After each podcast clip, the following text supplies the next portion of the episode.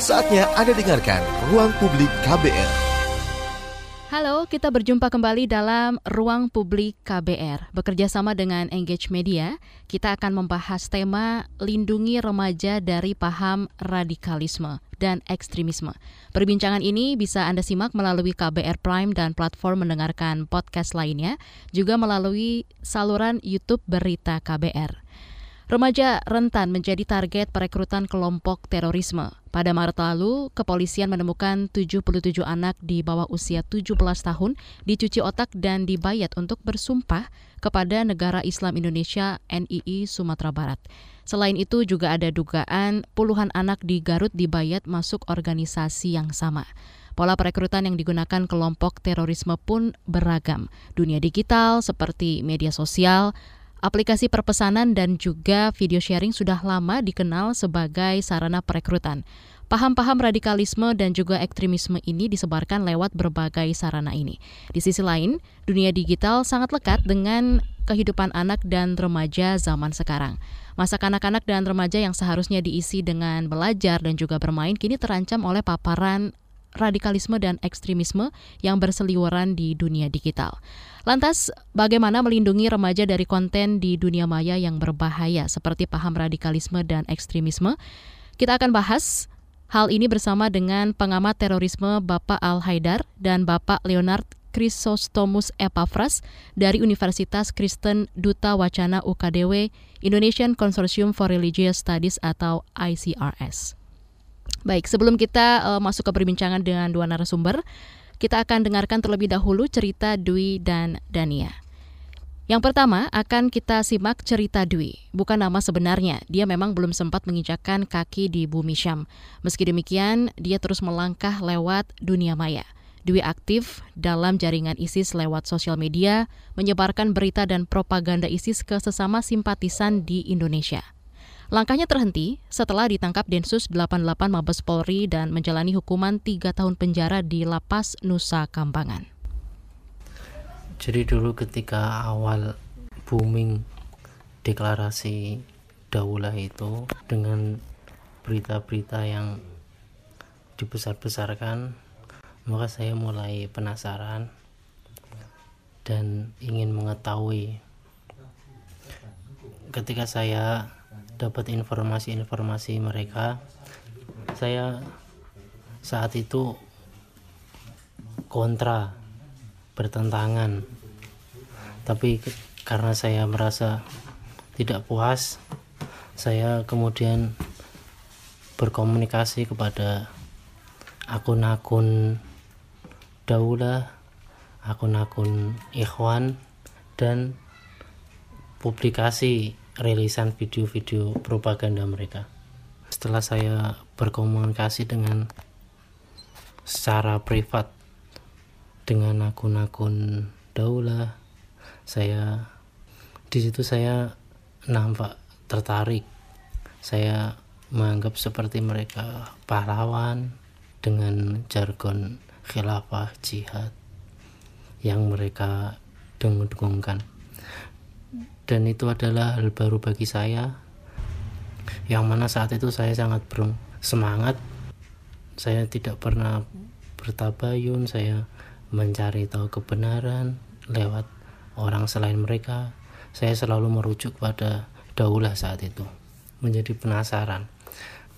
Jadi ketika diberitakan itu kan di sana terjadi konflik. Kaum muslimin di sana tertindas kemudian daulah ini datang seolah-olah menjadi pahlawan. Kemudian yang mereka jargon itu slogan jihad itu baru nampak di sana. Saya belum pernah dapat jihad perang itu kecuali daulah saat itu. Ketika itu saya sudah masuk saya sudah menjadi kelompok mereka saya sudah bergabung dengan mereka dengan mazmun mereka saya setuju mereka menyeru agar para ikhwan di luar itu memberikan bantuan kepada daulah ini apabila mereka tidak bisa berhijrah maka mereka membuat ladang hijrah di wilayah mereka mereka membuat amalia di tempat-tempat mereka karena proses hijrah ke Syam terhalang. Jadi kapasitas saya di situ saya memberikan dukungan, saya memberikan informasi tempat-tempat keamanan mereka, saya menyebarkan relisan untuk mengubarkan jihad misalnya.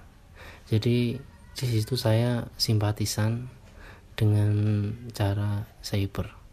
Selama ini tidak ada yang tahu, yang mereka tahu hanya saya sering menggunakan HP, saya bermain laptop, yang mana di situ banyak video-video rilisan. Saya banyak menyimpan video mereka. Fokus saya kan di situ saya menyebarkan konten-konten ISIS, saya menyebarkan propaganda ISIS, saya menjadi penyalur media mereka untuk saya sampaikan di media Indonesia.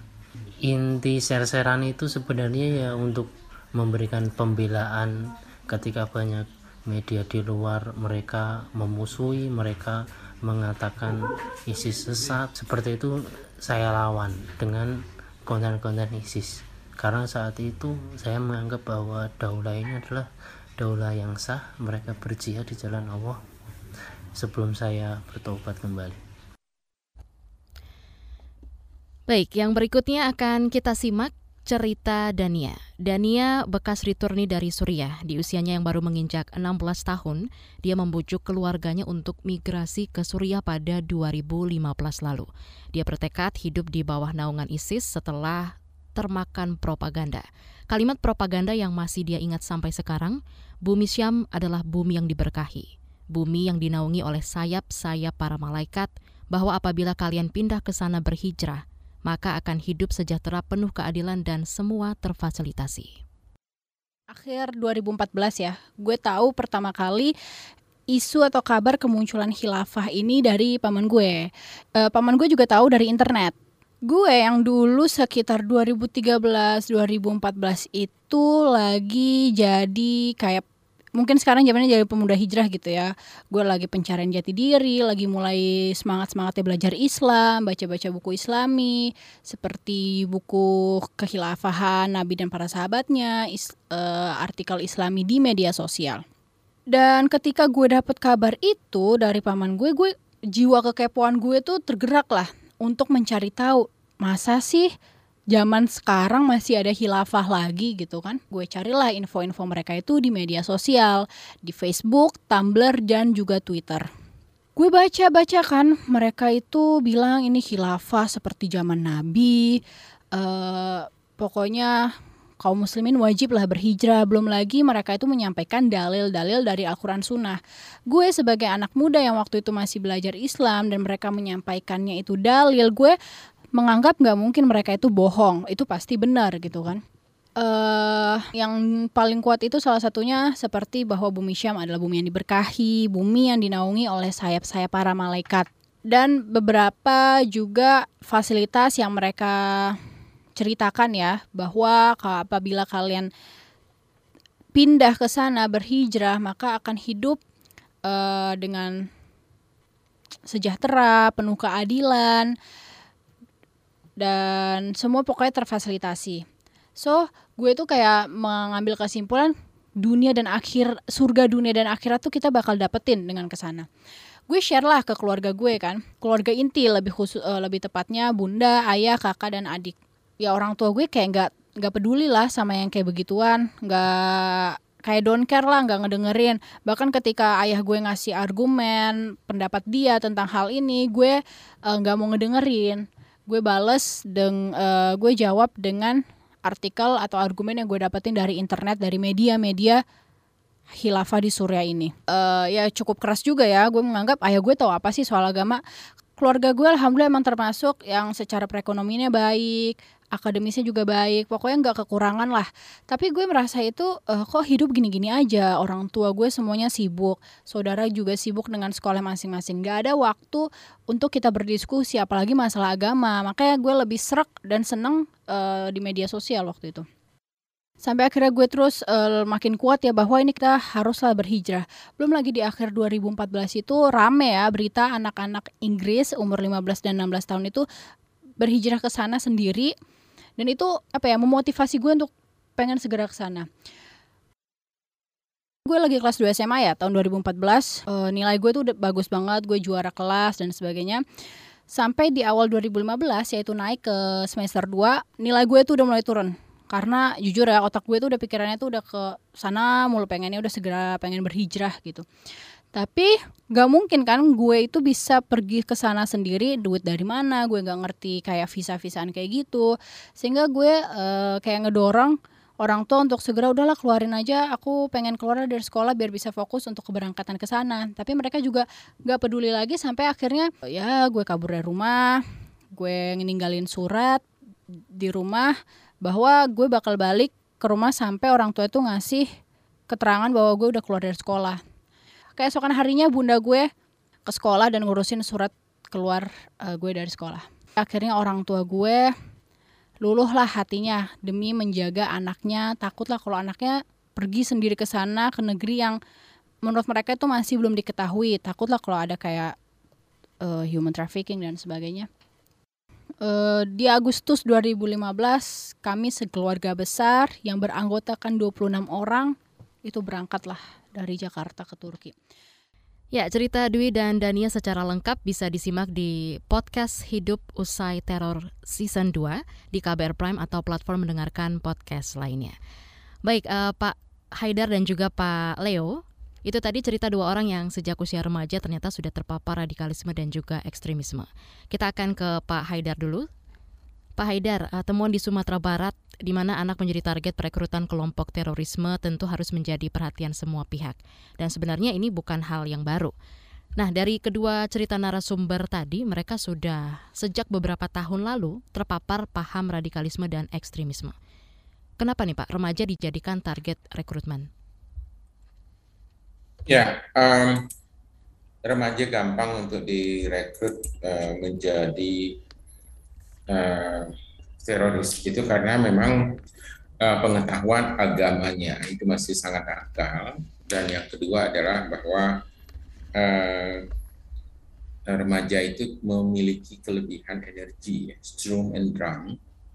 Dan itu itu yang ingin dimanfaatkan secara maksimal secara optimal oleh kelompok-kelompok teroris. Karena mereka uh, mengingat bahwa uh, anak remaja ini adalah anak yang masih berada pada uh, posisi sosial yang uh, tidak jelas ya dalam pengertian bahwa dia masih mencari tahu uh, mencari jati dirinya.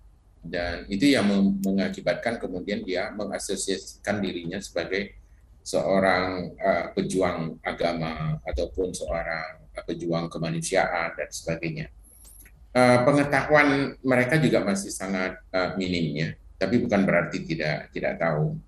Biasanya akses mereka kepada uh, pengetahuan umum ya, seperti Google, ya, seperti internet dan sebagainya itu sangat bagus.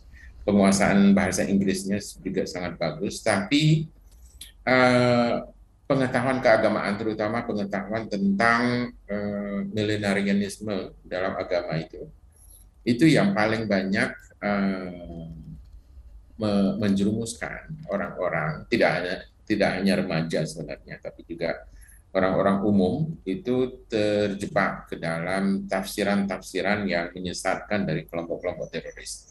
Sehingga mereka kemudian gampang untuk dikontrol dan dicucuk uh, hidungnya. Untuk mengikuti kemauan, keinginan dan plot ya uh, dari kelompok-kelompok teroris ini. Kelompok-kelompok teroris ini memang memiliki agenda khusus, sama seperti penjahat-penjahat perang lainnya sebenarnya. Uh, yang kita lihat misalnya di Afrika, ya, bagaimana memanfaatkan uh, tentara anak, ya, tentara remaja, untuk kemudian di apa namanya diculik dari keluarga dan kemudian bahkan mereka didoktrin untuk membenci keluarganya untuk membunuh keluarganya bisa. Kemudian eh, mereka juga di apa namanya diputuskan dari hubungan-hubungan eh, genealogical dan mereka di, di, dilepaskan dari ikatan-ikatan sosial kultural yang ada sebelumnya dan ini yang memang aktif dilakukan oleh kelompok-kelompok teroris. Jadi saya kira memang eh, remaja itu sangat rentan. Dan kalau ada yang menyatakan bahwa uh, apa namanya ya untuk mengatasi terorisme itu pengetahuan atau pelajaran agama itu harus dibuang itu juga salah karena pengetahuan apa pun ya uh, bentuk pengetahuannya itu sangat penting sangat penting.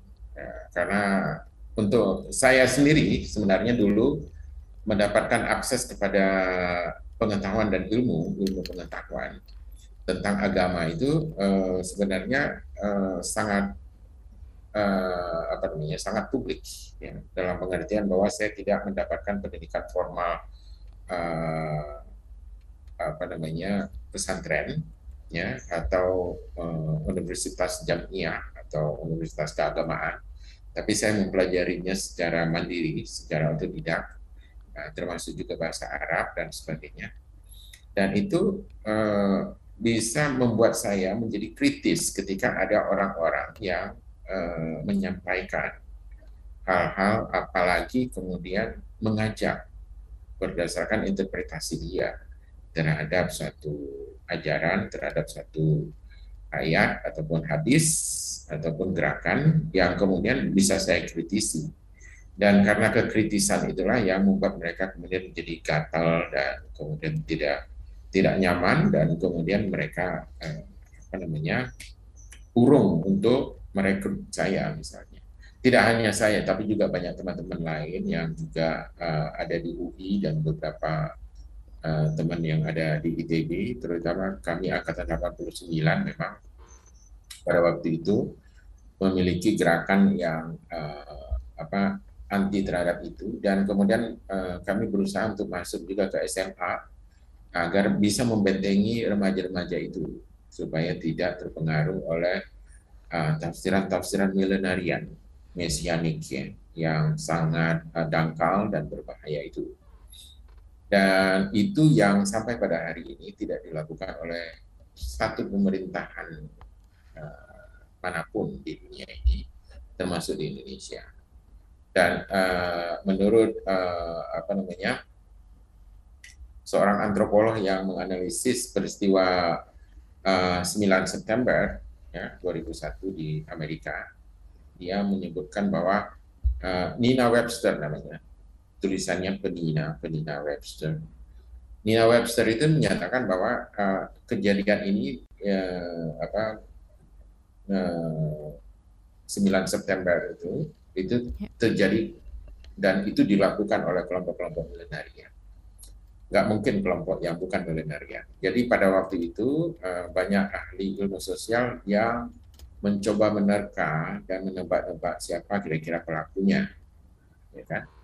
Jadi uh, awalnya dari hasil analisis Nina Webster inilah yang yang yang dianggap sangat uh, tepat sehingga bisa ditelusuri kelompok-kelompok millenarian mana yang uh, memiliki uh, apa uh, kebencian dan kemudian uh, apa namanya ya uh, ya kebencian dan kemarahan ya kepada masyarakat Amerika.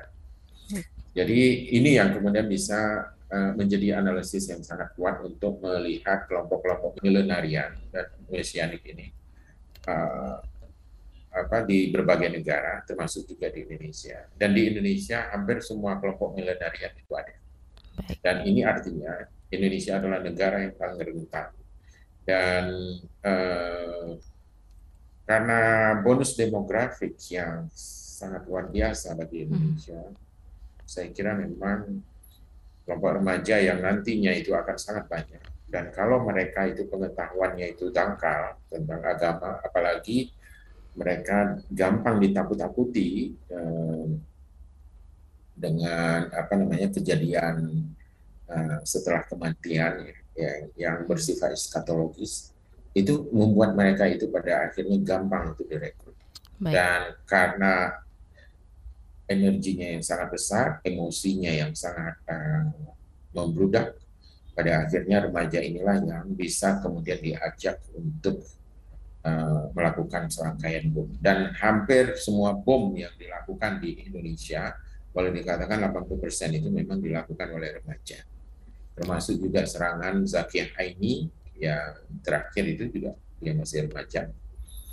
Dan itu menunjukkan bahwa potensi kelompok remaja ini dari umur belasan sampai 20-an itu sangat luar biasa. Dan kalau ini dikuasai oleh orang lain, ini akan menjadi proxy war yang sangat uh, mengerikan dan pemerintah Indonesia akan kehilangan kontrolnya terhadap warganya sendiri yang memiliki potensi uh, energi besar untuk seharusnya untuk membangun, tapi malah untuk merusak dirinya sendiri dan merusak bangsanya, merusak negaranya.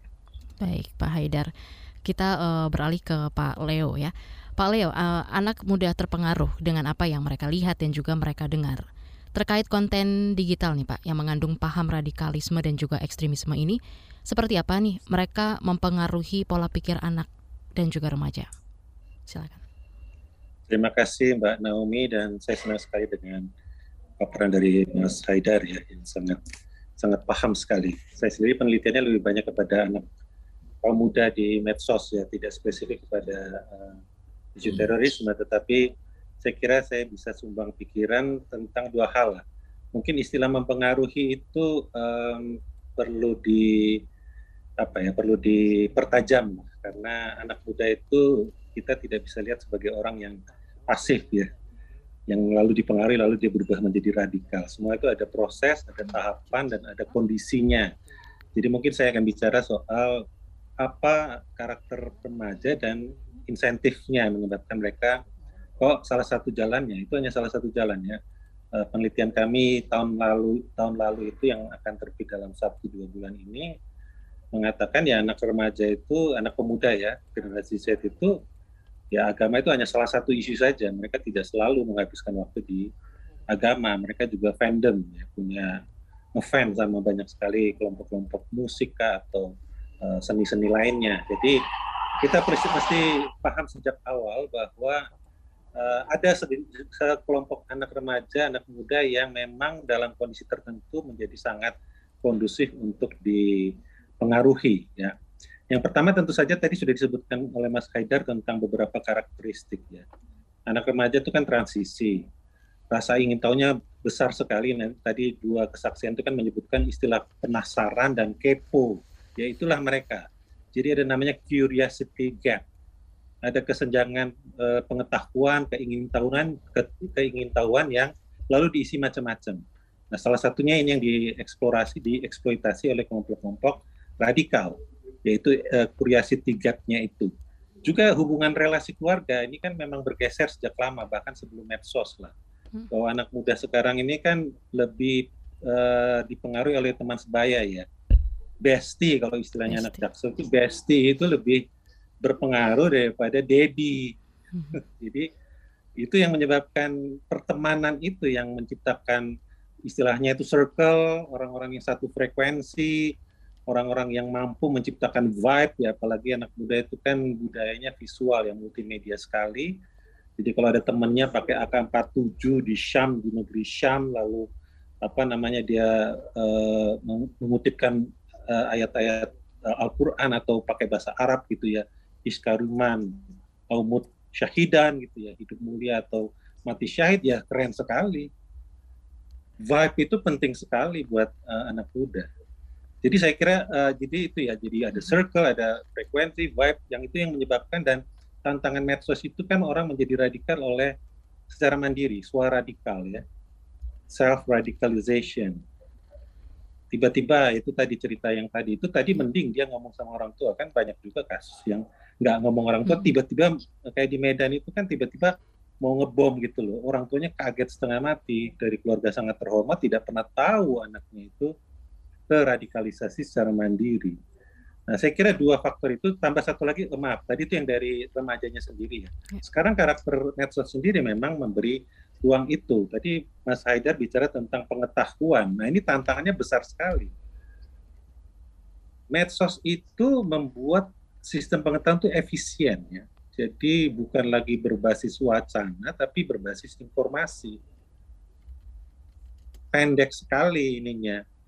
Eh, daya apa namanya daya pengaruhnya hanya dengan kata-kata yang sangat pendek tadi yang sudah saya sebut hidup mulia atau mati syahid gitulah kayak kayak gitu uh, langsung mengobarkan nah itu ciri khas dari uh, pengetahuan yang dibentuk lewat medsos. Tidak cukup waktu untuk mencerna. Nah ini diskusi kita nanti mungkin lanjut kepada bagaimana saran-saran. Saya tidak punya saran yang paling uh, kuat, tetapi bagus kalau ada pendekatan yang bergeser ya. Jangan melihat lagi pengetahuan itu harus otoritatif ya harus uh, merujuk pada kiai atau ke pesantren atau ke pendeta atau apa pun otoritas. Karena di era sekarang itu bersaing hebat dengan pengetahuan yang bersifat informatoris bukan lagi wacana. Orang mikir beneran gitu enggak. Sekarang itu bagaimana itu tertarik secara emosional jadi dia. Dan visual culture itu sangat menentukan visual culture sangat menentukan. Multimedia lah bukan hanya visual. Video dan sebagainya ya. Bahasa-bahasa yang sangat maskulin ya. Maskulinitas itu salah satu yang menyebabkan anak muda sangat mudah tertarik. Maskulin itu kan memberi tawaran ya. Ini ada masalah kita habisi. Kita selesaikan dengan cepat dengan gagah dengan jagoan. Nah itu yang menyebabkan mengapa anak muda sangat mudah ditarik menjadi radikal saya kira mungkin itu dulu Mbak Naomi Baik, terima kasih Pak Leo dan kita akan masuk lebih dalam lagi ya. Kita ke Pak Haidar. Uh, dalam laporan BBC Pak, pada bulan April lalu disebutkan negara Islam Indonesia NII merupakan ibu kandung kelompok terorisme di Indonesia. Para anggota NII ini kemudian keluar dan juga membentuk berbagai jaringan, di antaranya Jamaah Islamiyah JI, kemudian Majelis Muhajidin Indonesia MMI, Jamaah Ansarut Tauhid JAT dan Jamaah Ansarut Daulah JAD yang berafiliasi ISIS. Saat ini seperti apa peta keaktifan jaringan-jaringan ini, Pak Haidar? Ya, um, ya jaringan terorisme yang ada di Indonesia juga termasuk seluruh dunia itu itu sebenarnya bisa dilihat dari genealogi ideologis ya. Jadi um, sangat sulit sebenarnya untuk melihat uh, peta jaringan itu hanya dari uh, orang-orangnya saja, karena orang-orangnya saja itu uh, kebanyakan uh, tidak disertai dengan platform ataupun gambaran latar belakang uh, organisatoris di mana dia pernah uh, terlibat sebelumnya. Dan saya melihat bahwa apa yang terjadi baru-baru ini di Sumatera Barat, eh, di mana di sinyalir ada 1.125 orang uh, eh, NII. Kemudian saya coba telusuri, uh, ternyata memang uh, jumlah itu lebih banyak dari yang ada, karena yang 1.125 itu hanya dari beberapa faksi saja, itu faksi KW9, faksi uh, Tahmid dan juga faksi uh, Sersen Komara yang ada di sana. Uh, dan tersebar di beberapa kota. Tadinya saya tidak menemukan ada faksi uh, yang asli ya, karena faksi Tahmid ini uh, Zakaria dan Sersen Komara dan juga faksi uh, KW9 ini faksi yang dianggap sebagai NII palsu dan fraksi ini sebenarnya tidak punya potensi untuk melakukan eh, tindakan-tindakan uh, kekerasan ataupun uh, terorisme karena mereka uh, dikontrol dan di, di apa namanya uh, dibina secara terukur oleh kelompok intelijen. Namun yang namanya kelompok intelijen memang adalah kelompok yang paling independen dan tidak bisa di dijangkau oleh tangan-tangan hukum. Jadi mereka itu adalah kelompok untouchable sebenarnya. Dan mereka bisa membuat banyak eh, unit-unit uh, ataupun kelompok-kelompok ataupun komunitas-komunitas yang kemudian bisa uh, mengarah kepada perbuatan melawan hukum. Tapi biasanya mereka akan berusaha mengendalikan eh, kelompok-kelompok uh, tersebut. Dan uh, memang salah satu fungsi dari uh, tugas-tugas intelijen itu adalah membu uh, membuat tindakan apa namanya preemptif ya uh, kemudian preventif pencegahan ya.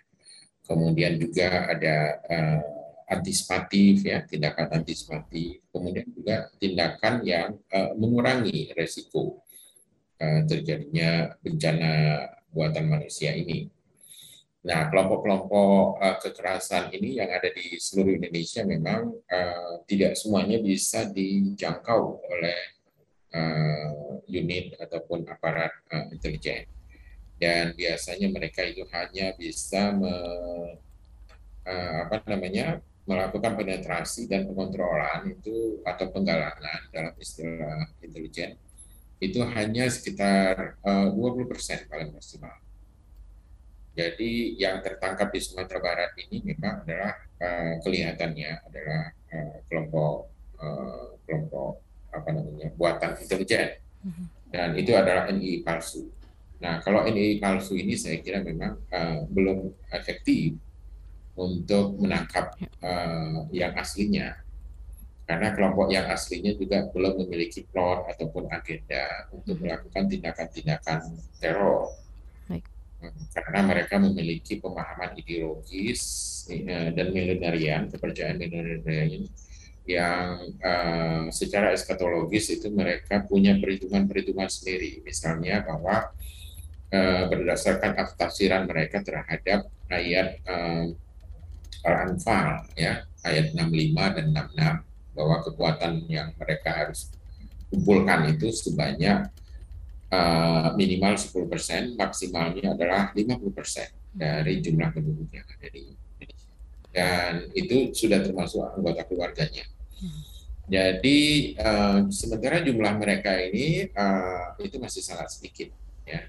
Uh, dikabarkan bahkan uh, oleh Pak uh, Sarjono Kartosuwiryo itu disebutkan jumlah mereka baru 2 juta, 2 juta orang dan itu berasal dari kelompok uh, faksi yang yang palsu itu ya.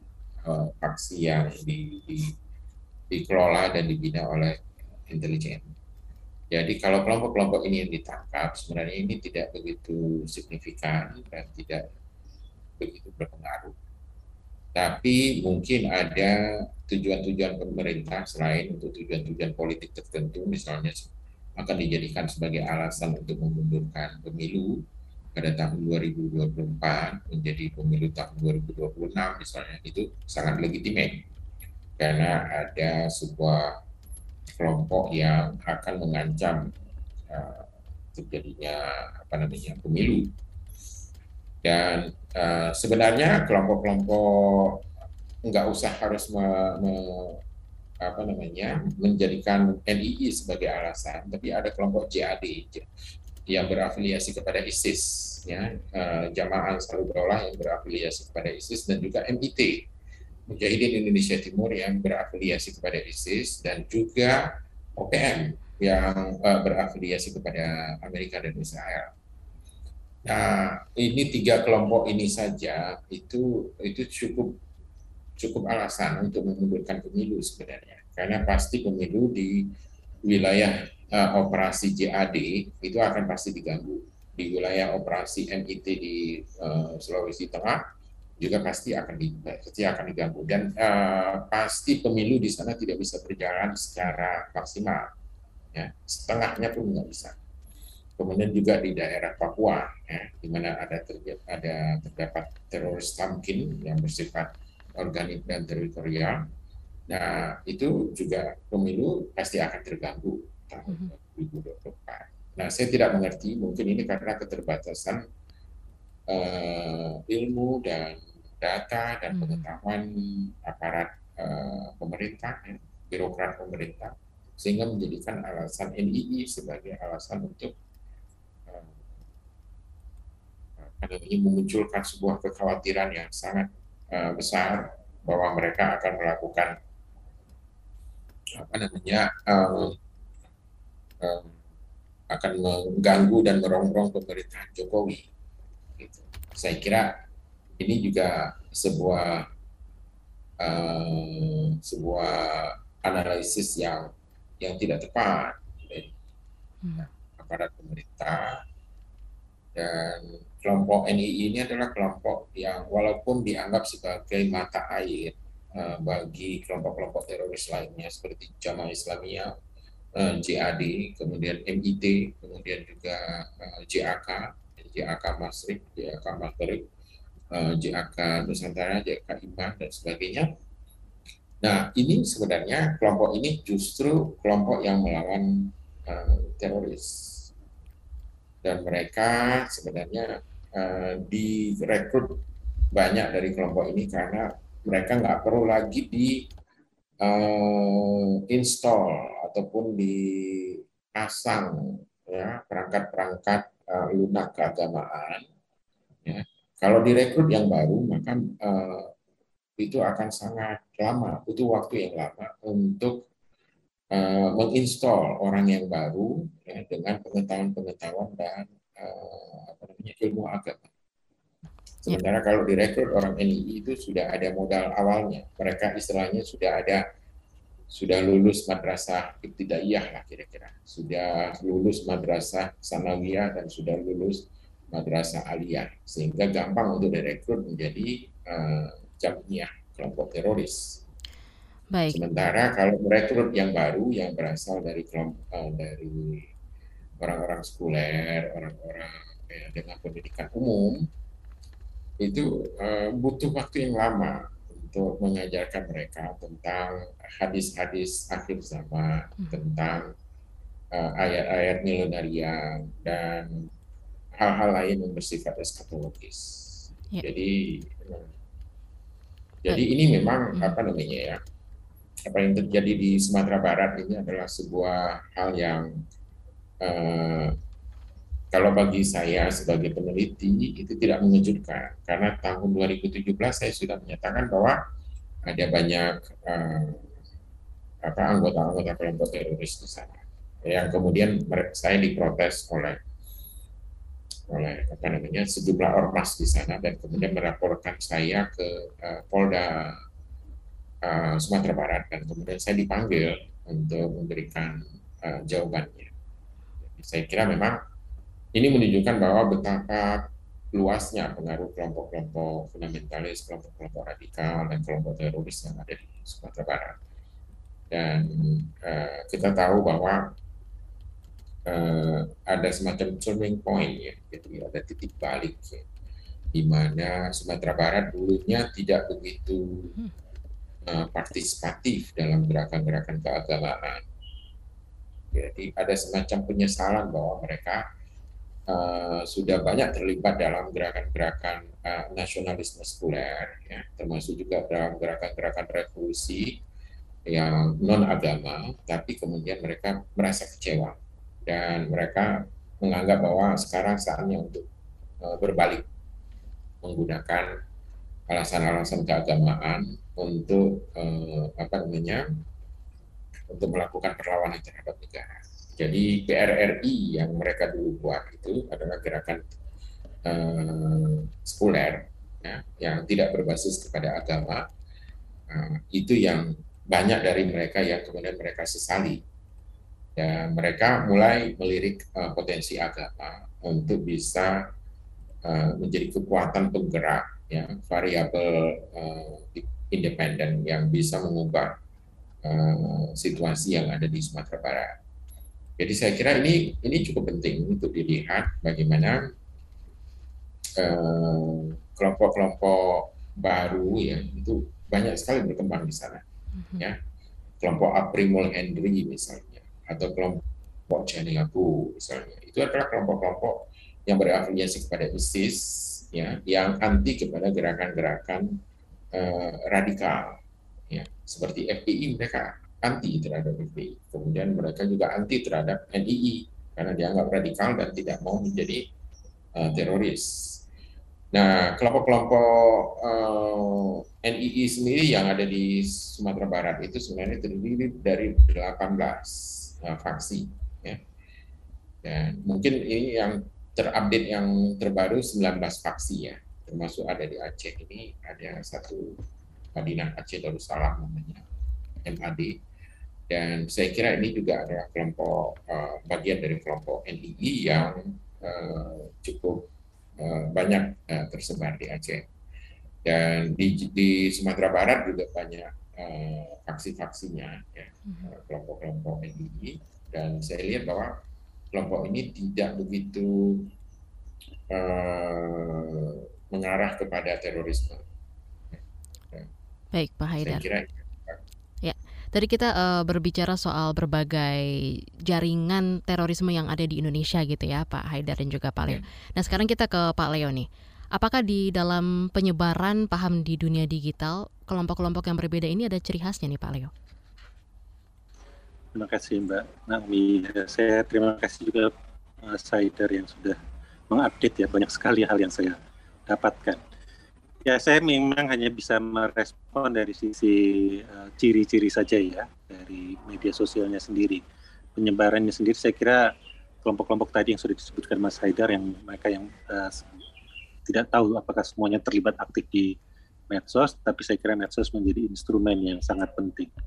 Mungkin lebih kepada begini, uh, si ciri digital yang tadi saya sudah sebutkan, uh, persoalannya adalah karena Eh, media sosial khususnya itu kan dan apa instant messenger itu berenkripsi ya. Sekarang ini kan semuanya berenkripsi, nah, khususnya Telegram itu menjadi sangat kuat sehingga sangat sulit untuk mengetahui jejak-jejak ininya, jejak-jejak uh, rekrutmen, jejak-jejak uh, apa tukar menukar informasi dan koordinasi aktivitas itu menjadi semakin sulit bagi intelijen untuk uh, menerobos karena semuanya sudah terenkripsi by default oleh sistemnya sendiri apalagi kalau dia pakai merek dari sebuah perusahaan yang sangat terkenal gitu ya Apple gitu ya pakai iPhone itu lebih sulit lagi untuk diterobos oleh intelijen kalaupun uh, apa uh, aktornya itu tertangkap ya kalau dipakainya itu akan sangat di sangat sukar secara teknologi. Yang keterbatasan lain adalah karena um, media sosial itu bersifat universal kan pada dasarnya perusahaan-perusahaan medsos itu kan perusahaan yang mencari uang. Mereka tidak pernah memikirkan dari awal tentang dampak sosial, dampak politis, apalagi dampak keagamaan. Akibatnya uh, mereka tidak punya. Ini salah satu kritik saya dalam ke dalam satu diskusi dengan salah satu layanan medsos yang punya cabang di Indonesia. Uh, saya diwawancarain lalu saya katakan ya inilah tantangannya karena anda pakainya sistem yang universal ya. Jadi tidak tidak customized menurut ke kasus demi kasus menurut konteks Indonesia sehingga uh, apa misalnya kayak aturan tentang apa apa yang disebut dengan uh, ini bukan isu radikalisme secara khusus tapi misalnya tentang penodaan agama itu contoh yang menarik. Ya bagi sistem moral universal mungkin itu tidak tidak uh, menyerang agama karena menyerang agama tidak masalah yang penting tidak menyerang pribadi. Ya nah itu tidak bisa di cover padahal di Indonesia isu semacam itu sensitif dan isu semacam itu justru bisa menjadi titik masuk untuk rekrutmen Nah, jadi itu yang salah satu yang menjadi tantangan kita bahwa dan kedua ya meskipun uh, ditutup ya situsnya oleh Kemenkominfo sangat mudah membuka baru, mengganti nama. Apalagi sekarang itu kan ada yang namanya itu dibuat mirip-mirip ya. Jadi kalau B pakai angka 3 dan sebagainya itu tuh sudah ter, tidak terdeteksi oleh sistem. Jadi memang situasinya semacam itu Mbak dan mungkin ada satu lagi yang terakhir dari saya tentang uh, dinamika di dunia medsos itu kan kalau gerakan sosial kita tahu semua lah yang uh, menentukan uh, pemerintahan yang ada dan sebagainya itu biasa. Tapi di medsos mm-hmm. itu dalam bentuk yang namanya transkripsi 2.0. Uh, maksudnya perlawanan ya. Mm-hmm. Uh, transkripsi 2.0 itu kalau transkripsi 1.0 yang umum yang di jalanan, yang demo, melakukan kudeta dan sebagainya. Tapi yang sekarang lebih ruwet adalah transkripsi 2.0, memakai platform sebagai cara untuk merongrong sistem yang ada untuk menyebarluaskan, untuk koordinasi dan sebagainya dengan tadi yang keterbatasan yang tadi yang sudah saya sebutkan maupun karakteristik medsos yang memudahkan anak muda untuk uh, terlibat di dalam. Mungkin begitu Mbak Naomi. Baik, terima kasih Pak Leo. Kita uh, langsung lagi ke Pak Haidar. Baik, Pak Haidar, ya. terlepas dari metode perekrutan yang dilakukan nih Pak, gimana melindungi masyarakat termasuk anak dan remaja ini dari paparan paham radikalisme dan juga ekstremisme Pak? Ya, uh, cara yang paling sederhana adalah itu mendatangi sekolah-sekolah seperti SMP, ya, eh, SMA. Kalau SD saya kira belum belum ada. Ya kalau kecuali kalau sudah ada nanti ditemukan adanya praktek dari rekrutmen ataupun dakwah yang mereka lakukan terhadap anak-anak SD baru kemudian uh, dipasang antidot ya, ataupun uh, serum ataupun uh, vaksin ya uh, ideologis ya, terhadap anak-anak yang di bangku sekolah dasar. Hmm. Tapi kalau yang saya lihat ini sekarang bahwa yang yang SMP dan SMA memang ada yang direkrut ya. okay. Saya kira ini perlu uh, dilakukan uh, beberapa kontra narasi ya. Karena yang seseorang menjadi teroris itu kan karena narasi, karena discourse. Jadi yang harus dilakukan ya oleh pemerintah itu adalah counter discourse atau kontra narasi. Justru yang dilakukan oleh pemerintah selama ini yang aktif itu adalah kontra narasi, bukan counter discourse, bukan kontra wacana. Jadi misalnya narasi jihad dilawan dengan narasi Pancasila, itu sesuatu yang asimptomatik ya secara teoritis itu artinya seperti rel kereta api di ujungnya kelihatan seperti bertemu padahal enggak. Jadi dua wacana yang di, dikemukakan oleh pemerintah itu itu tidak akan pernah bisa bertemu. Kenapa enggak langsung misalnya kalau eh, ada wacana tentang eh, Pancasila apa negara Islam yang sedang beredar sekarang ataupun tentang khilafah ataupun tentang imamah, ataupun tentang syariat Islam, ataupun tentang bayat, itu juga dilawan dengan perspektif ataupun interpretasi yang ofisial dari pemerintah. Kalau itu tidak dilakukan, maka sia-sia saja program itu hanya seperti menggarami laut saja. Tidak penting.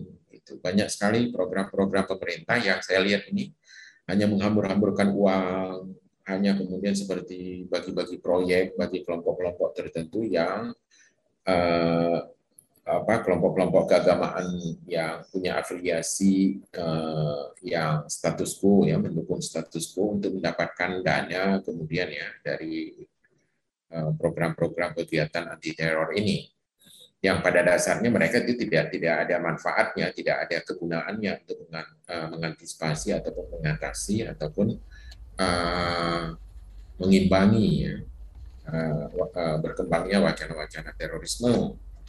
Dan kelompok uh, teroris ini selalu mengemukakan wacana-wacana yang populer, ya, populis.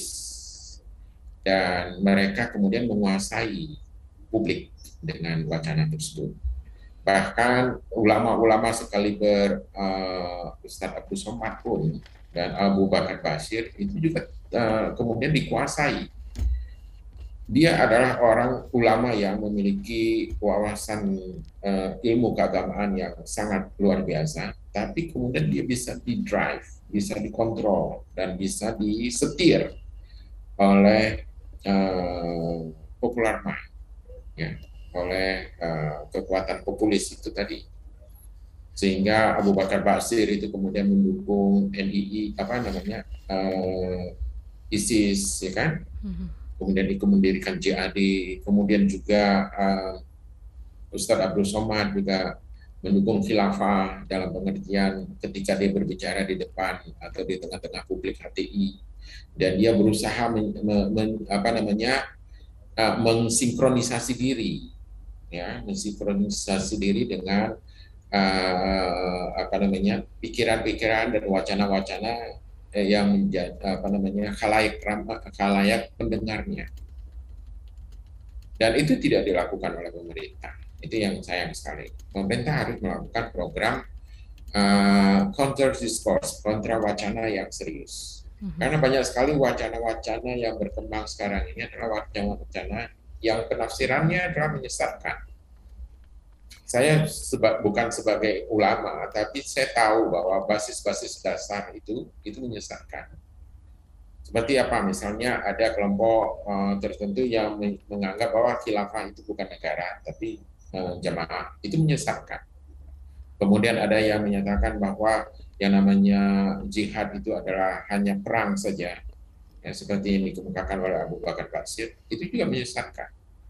Nggak perlu menjadi uh, ulama besar, nggak perlu menjadi sarjana agama, tidak perlu menjadi, uh, menjadi uh, apa namanya ahli tentang agama untuk bisa membantah hal ini. Jadi saya kira wacana-wacana ini, wacana-wacana dasar ini nggak pernah serius dibantah secara sistematis oleh pemerintah. Bahkan yang melakukan bantahan-bantahan itu adalah orang-orang yang tidak memiliki public trust yang kuat seperti misalnya uh, Ali Mukhtar Ngabalin ya kan ataupun Denis Siregar ataupun Adi Armando yang tidak mendapatkan public trust gitu di tengah-tengah masyarakat. Mereka yang kemudian melakukan counter dan itu seperti tindakan sia-sia. Sama seperti menggarami laut itu tidak perlu. Ya kan? Jadi yang harus dilakukan adalah eh, tindakan-tindakan yang lebih real ya, ya turun kepada uh, apa anak-anak SMP, anak-anak SMA ya yang sudah direkrut yang banyak di antara mereka sudah direkrut oleh kelompok-kelompok teroris dan harus dibentengi dengan pengetahuan-pengetahuan dasar tentang uh, agama, tentang apa itu jihad, apa itu syariat Islam, apa itu khilafah, apa itu daulah, apa itu uh, apa namanya imamah, apa itu macam-macam. Jadi ya. banyak sekali wacana-wacana uh, keagamaan Islam terutama. Mm -hmm itu yang uh, sudah dikuasai dan dimonopoli secara monolitik oleh kelompok-kelompok teroris. Kita akan beralih ke pertanyaan berikutnya ya, ke Pak Leo. Kementerian Kominfo sejak 2017 hingga Juni 2021 telah memblokir sebanyak 21 ribuan konten radikalisme dan juga terorisme yang tersebar di berbagai situs dan juga platform digital. Bagaimana nih, uh, apa cara lain yang bisa ditempuh untuk menahan laju penyebaran paham radikalisme dan juga ekstremisme di dunia digital nih Pak, selain pemblokiran ini? Silakan Pak Leo. Ya, uh, Mbak Naomi. Jadi saya kira uh, saya ingin mengamini apa yang disampaikan oleh Mas Haidar tentang efektivitas kampanye deradikalisasi yang menurut saya sangat lemah ya uh, menutupi situs menutup menutup situs itu juga sebenarnya kan terlalu apa ya terlalu hanya untuk menunjukkan bahwa ya pemerintah melakukan sesuatu tetapi efektivitasnya menurut saya kurang sekali ya. Sangat mudah untuk berganti dan tadi saya sudah sebutkan lah sangat mudah untuk replatformisasi ya replatformisasi. Jadi pindah platform atau ganti nama ganti akun karena toh kita tidak bisa tahu uh, pemilik akun itu siapa sesungguhnya ya sangat mudah di uh, tipu gitu ya. Nah jadi uh, memang harus lebih ke akar rumput. Saya sangat sepakat dengan Mas Haidar dan dari dari saya sih sebenarnya mungkin ini juga untuk ke apa ya tidak saja menjawab pertanyaannya Mbak Naomi tapi juga hmm. untuk ya kita mesti apa ya saya tidak punya jawaban singkat tapi rasanya kalau remaja yang ingin kita selamatkan kaum muda yang ingin kita selamatkan ya mereka sangat uh, menghidupi visual culture multimedia culture jadi perlu ditawarkan mimpi yang baru ya. Mas Haidar juga menunjukkan pentingnya untuk mendasar sekali ke isu-isu yang dimainkan oleh kelompok-kelompok ini, kelompok-kelompok radikal, mhm. tetapi dengan uh, gaya yang sangat anak muda itu saya kira sangat-sangat penting ya. Kita nggak hanya menutup-nutup situs, yaitu boleh-boleh saja sih sekedar apa ya me membatasi secara terbatas saja, tapi memang uh, butuh yang lebih mendasar, yang di, tadi disebutkan bukan saja counter narasi tapi counter wacana. Nah itu perlu dengan kalau uh, dalam kultur anak muda ya perlu ditawarkan imajinasi baru, mimpi yang keren gitu ya hmm. tentang menjadi muslim atau menjadi agamis, tetapi bersama dengan itu juga sangat uh, kuat dengan solidaritas sosial dan sangat kuat dengan keberagaman dan semacam itu. Itu perlu ditampilkan secara dengan gaya uh, kaum muda. Menurut saya mungkin itu akan bisa hmm. memberi kesempatan lagi dan harapan bagi generasi kita mendatang. Nah, uh, lagi nih Pak Leo, saat ini kan Taliban kembali menguasai Afghanistan ya, dan juga perang Rusia dan Ukraina ini didukung oleh dua kelompok muslim besar di negara masing-masing.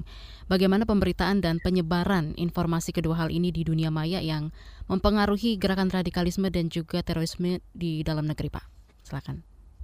Ya, terima kasih. Jadi uh, tadi saya menyebut di per, uh, respon terhadap pertanyaan yang pertama tentang maskulinitas. Ya. Jadi sebenarnya perang Ukraina dan uh, Rusia ini di situlah bisa kita lihat anak-anak muda kita senang banget sama yang gagah-gagahan dan keren-kerenan gitu ya. Mm-hmm. Mungkin tahu ya dengan ucapan ura gitu ya di Putin itu kan mm-hmm. menyebar luas dan dipakai. Saya juga di kelas saya juga kadang-kadang untuk guyon-guyonan aja menutup kelas saya dengan ura gitu ya Kenapa? Karena itulah anak muda. Senang dengan yang keren, maskulin, yang straightforward, memberi solusi itu itu yang dipakai dan di situlah curiosity gap-nya itu diisi oleh kelompok uh, radikal. Nah, di sinilah yang perlu jeli ya. Nah, pemerintah seperti Mas Haidar sampaikan tadi nggak nggak kayak nggak paham gap ini yang harus diisi. ya, jadi Nah, yang kedua soal Taliban. Nah, di sinilah kita melihat bagaimana awamnya orang umum ya. Saya tadi belajar banyak sekali dengan detail-detail kelompok dengan gerakannya itu betul-betul di luar uh, kapasitas saya karena saya memang tidak peneliti di situ tapi lebih ke medsos secara umum di sinilah kita lihat bahwa umum nggak tahu bahwa Taliban dan ISIS itu musuh besar. Hmm. Ini baru saja ada pernyataan dari pimpinan ISIS yang menyerang secara apa formal terhadap uh, pemerintah Afghanistan. Kita anggap tuh mereka sama saja. Di situlah kita lihat bahwa nuansa-nuansa itu kan perlu paham dan nuansa itu hanya bisa diisi dengan pengetahuan yang baik ya. Nah, tapi sekali lagi kalau sasaran kita adalah kaum muda, perlu dengan bahasa anak muda. Nggak bisa pakai bahasa otoritas, bahasa negara itu menurut saya sih nggak nyampe. Mereka bilang iya iya iya selesai acara udah jalan lagi sendiri. Gitu ya. Jadi itu yang saya kira uh, penting untuk kita paham. Demikian Mbak. Baik, terima kasih Pak Leo. Uh, terakhir kita ke Pak Haidar, bisa singkat saja Pak. Uh, saat ini banyak kelompok yang menyuarakan perdamaian, perbedaan dan juga hal positif lainnya.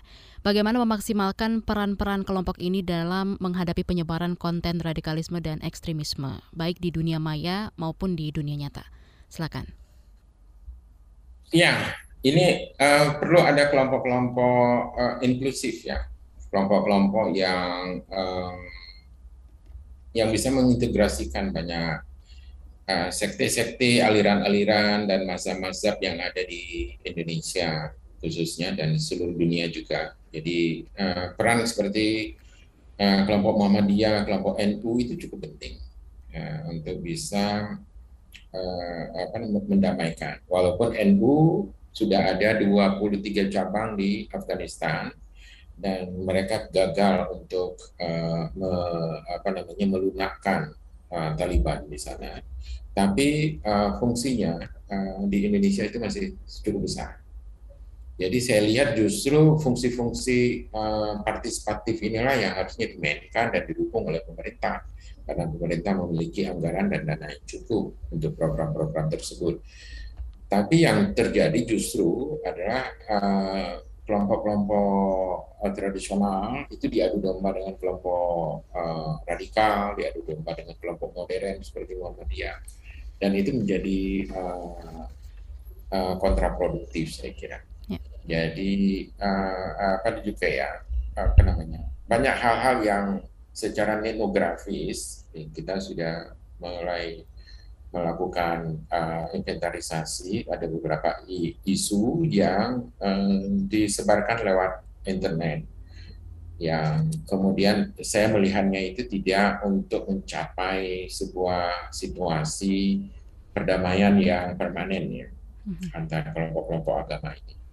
Demikian perbincangan kita di ruang publik kerjasama KBR dan Engage Media.